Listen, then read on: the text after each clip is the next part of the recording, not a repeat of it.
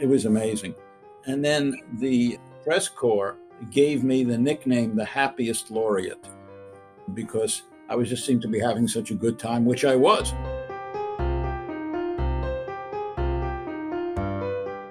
Welcome to the podcast of Curie, an online magazine about research politics by the Swedish Research Council. My name is Natalie von der Leer, and in this episode, I talk to Robert Lefkowitz. Robert Lefkowitz was awarded with the Nobel Prize in Chemistry in 2012, together with his former fellow Brian Kobilka, for the discovery of the G coupled protein receptor.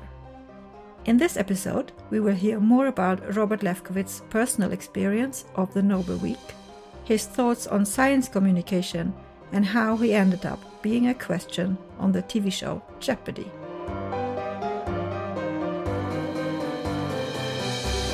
Very welcome to Curie and the podcast of Curie. Would you like to introduce yourself a little bit? My name is Dr. Robert Lefkowitz, but uh, everybody calls me Bob. I always tell people that the only person who ever called me Robert was my mother when she was angry at me, as in, Robert, get in here. So I go by Bob. Anyway, I'm a professor of medicine, biochemistry, and chemistry at Duke University Medical Center, where I've been on the faculty since 1973. That's a long time. I'm 78 years old. I'm also an investigator of the Howard Hughes Medical Institute, the longest serving investigator they've had. I've been an investigator of HHMI for 45 years and counting. And throughout my career, I have worked on a type of molecule called a receptor.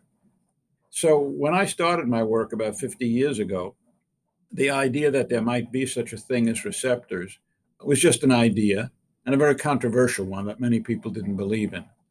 In the early phases of my career, I developed a whole series of techniques which enabled us to ultimately prove that there was such a thing as receptors, uh, that they were proteins in the cell membrane.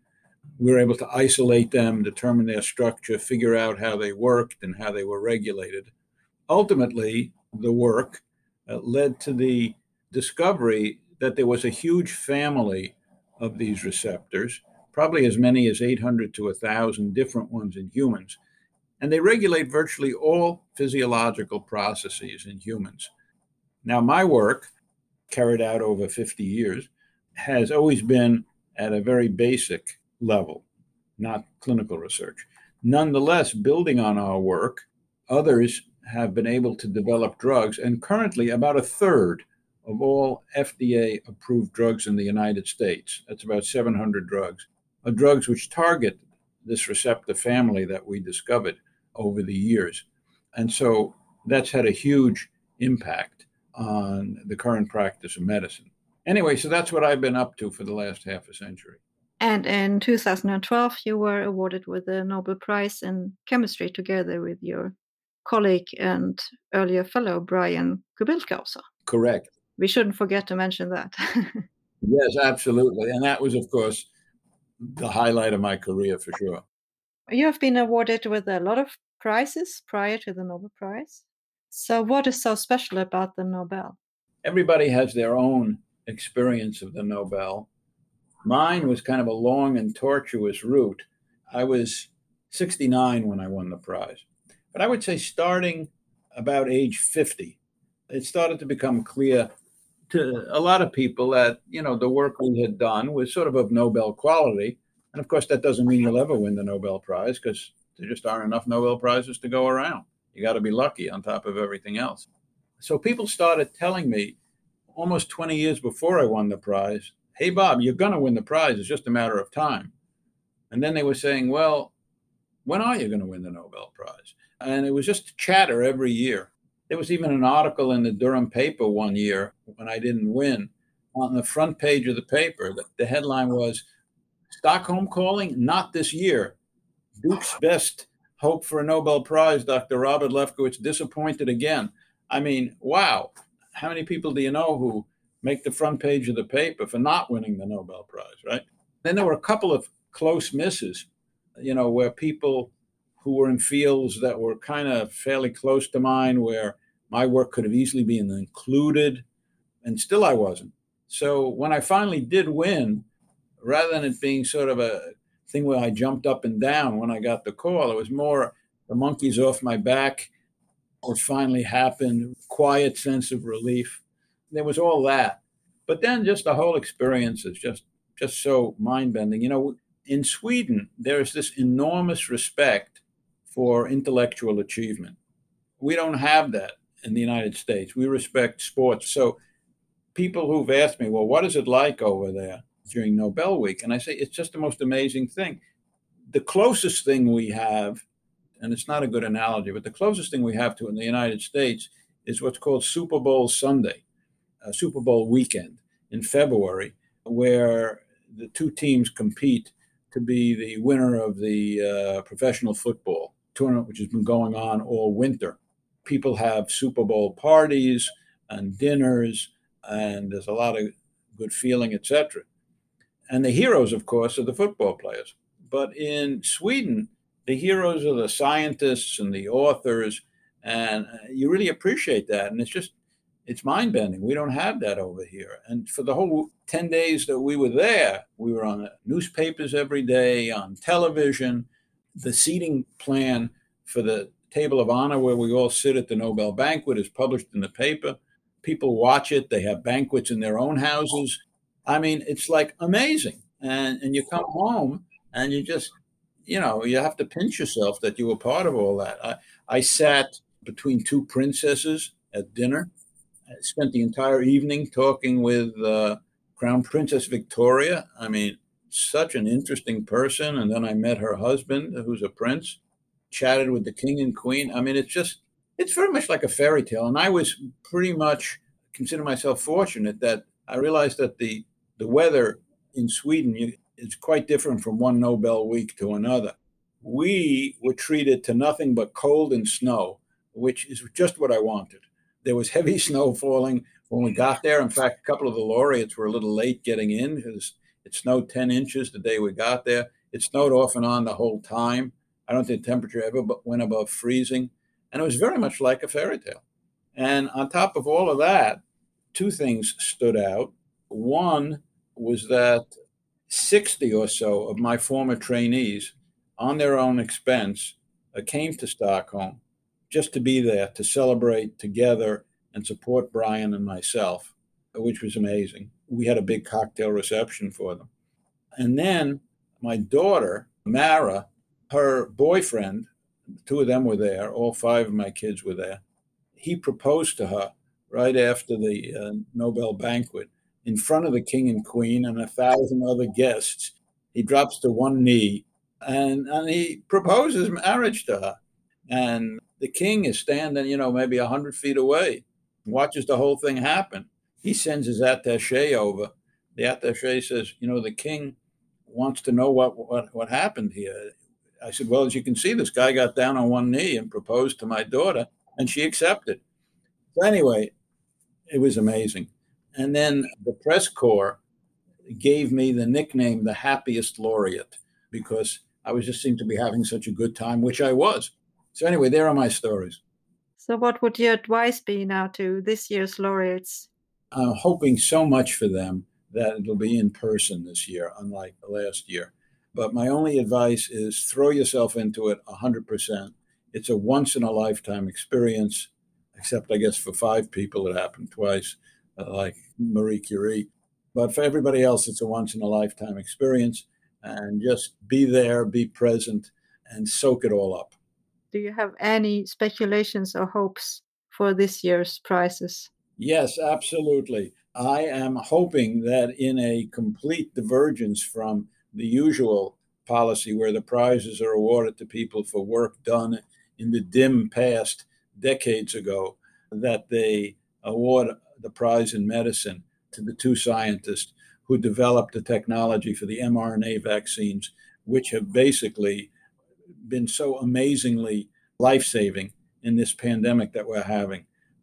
Alfred Nobel, in his will, when he established the prizes, said specifically that he wanted these prizes to recognize those scientific contributions, which in the last year have been of greatest benefit to mankind. And this would be such an amazingly apt prize. What a perfect display of what science can do. Of course, in this country, the science has been politicized, unfortunately. I tell a cute story about that in my book. Funny thing happened on the way to Stockholm. At the Nobel banquet, one prize recipient in each category gives a five minute talk. I think that they may call it a toast, but it's really five minutes to talk about whatever whatever you want to talk about.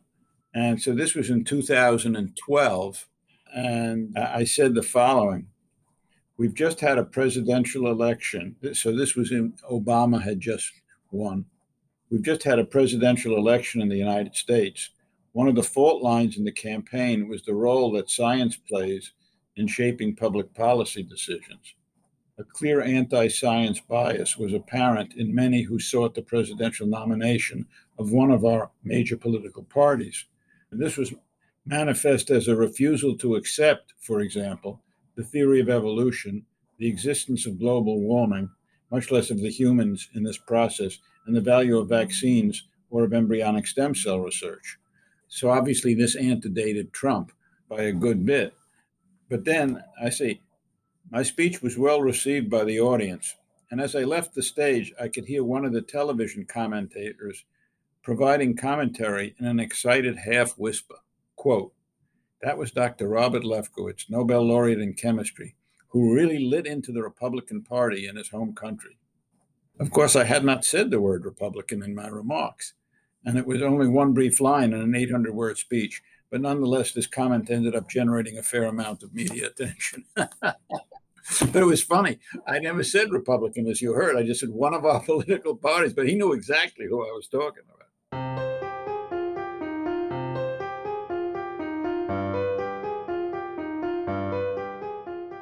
Earlier this year, Robert Lefkowitz published his biography called A Funny Thing Happened on the Way to Stockholm. The book contains stories from his life as a scientist. As you might have already gleaned from our brief interaction, I'm a bit of a raconteur. I like stories, I like to tell stories. Everything reminds me of a story. And so anybody who's worked with me has been subjected to my relentless storytelling, perhaps more than they want. And for years, decades actually, everybody who works with me and many others have said, Bob, you really need to write a book. You really need to write down these stories. And I always put them off. And I don't think it ever would have happened. But then several years ago, Randy Hall, uh, who's now a professor of pharmacology at Emory University in Atlanta, uh, he had been a, a fellow in my lab in the 90s. He's visiting me as he did every few years because he's an avid Duke basketball fan. And he had come up to watch a game with me, and we were having dinner. And I was, of course, regaling him with stories as I do. And he said to me, Bob, look, I know you're never going to write this book, but how about I make you an offer you can't refuse? How about I collaborate with you? We'll talk on the phone once a week for an hour or two. You'll tell me stories. We'll try to go chronologically the different phases of your life. I'll ask you questions if I don't understand. We'll record everything. And then I'll try to write them up chapter by chapter send you a rough draft, you edit it, we'll go back and forth, and we'll see if we can do this. That's how it evolved. And uh, were it not for Randy basically stepping up and saying he would do this collaboratively, I, I really don't think it would have happened. And it was a lot of fun. It's the sort of book I would have liked, especially as a child when I was, or as a teenager when I was a bit geeky, wanting to know more about the scientific world and about the life of scientists. Thank you for saying that one of my audiences that I had in mind were young people who might aspire to a career in science. When I was a child, also very geeky, I read many books. My favorite genre was what you might call medical or scientific fiction novels where the hero was a scientist or a physician or a physician scientist. There are several titles in that genre, and I loved them. I wish I had had a book like this where sort of the protagonist isn't even a made up character. So, anyway, I appreciate your kind words about the book. I think it is something that would be of, of interest to young people, but also old people who are interested in what it's like to be both a physician and a scientist. What are your thoughts on science communication? What responsibilities do scientists have to actually communicate and bring across their work and what they do to a wider audience? Yes, this is an excellent question, one that I've thought about a lot. I think that both scientists and journalists have big responsibilities in this area. Scientists really do have a responsibility to try to explain what they're doing to the lay public, if for no other reason, because in our country, my country, and most countries, the major financial supporter of research is the public through government funds. And they're entitled to know what's going on. What are scientists doing with the money? And I think it gives people an appreciation for the science. No better example than the vaccines, which seem to sprout from nowhere in the course of months due to the, the work of untold numbers of scientists. So I think it's very important for scientists to communicate their work as clearly and as often as they can. But on the other side, there's a responsibility on the part of journalists, which I must say is shared by the scientists, to talk straight and to not exaggerate or hype findings. Over and over again in my long career, I have seen potentially important findings, big emphasis on the word potentially, important findings portrayed as breakthroughs which would have an immediate impact on therapeutics. And 25 or 30 years later, we're not much further along. From the point of view of a journalist, it's a much better story to say we've got a breakthrough than we've got some small incremental change which might have an effect 30 years down down range. And so stories get blown up.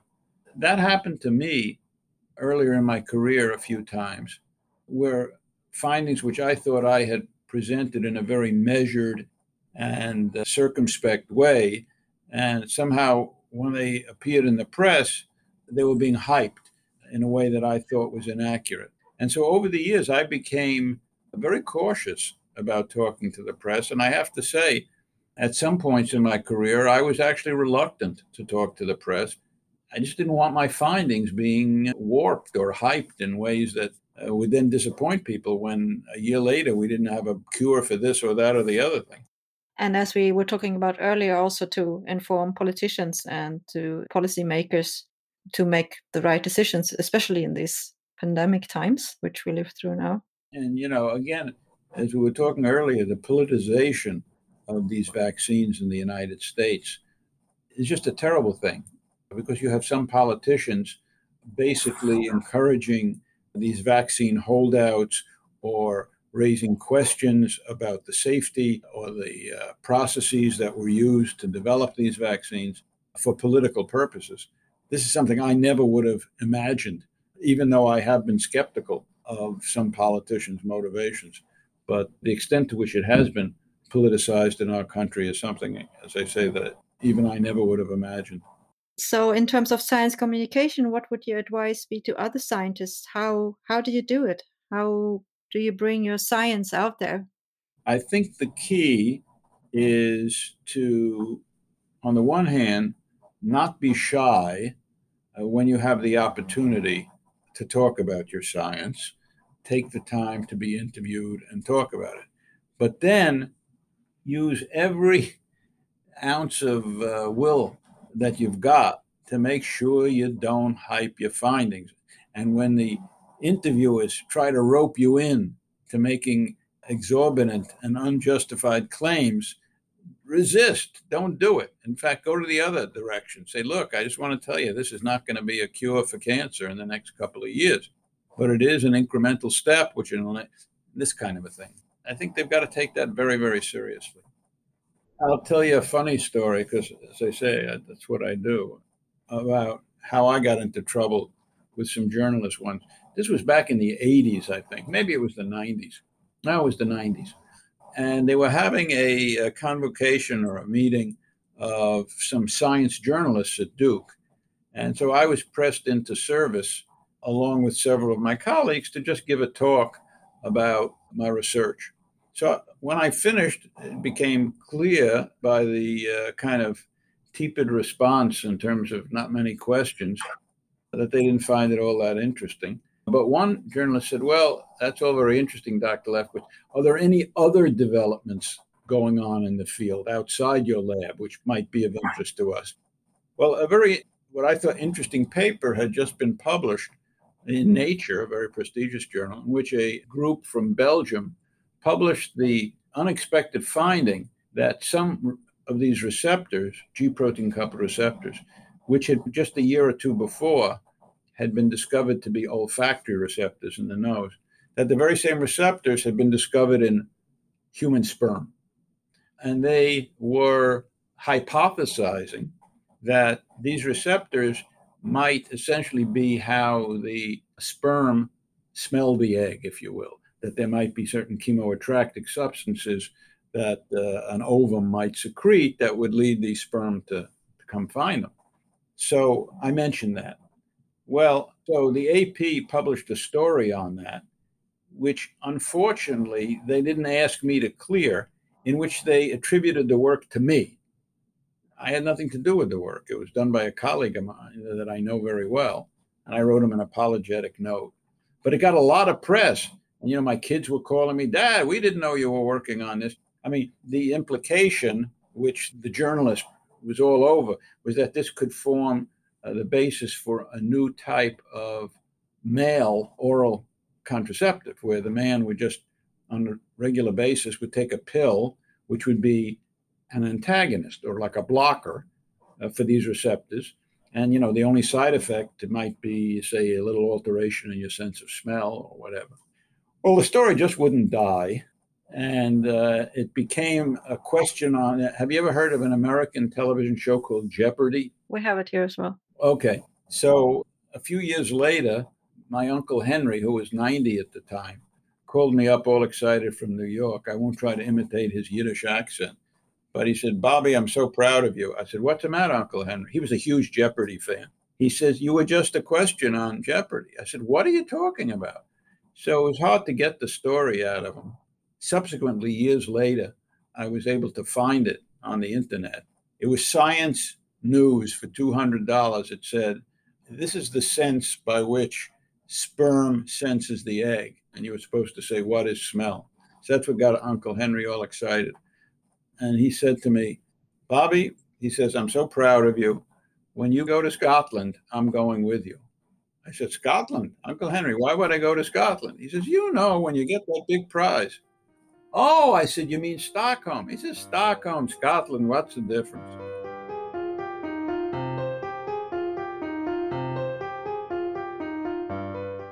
Thanks to Robert Lefkowitz for joining the podcast of Curie.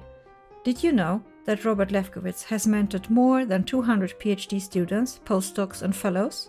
You can read more about his thoughts on mentorship in a written article in Curie. Visit our website tidningencurie.se to read more. There you can also find other articles, blogs, and opinion pieces about the world of research. If you liked this episode, please consider sharing it with your friends and colleagues. This podcast is available on SoundCloud, iTunes, Acast, and Spotify, and most podcast apps. My name is Nathalie von der Leer, and I would like to thank you for listening.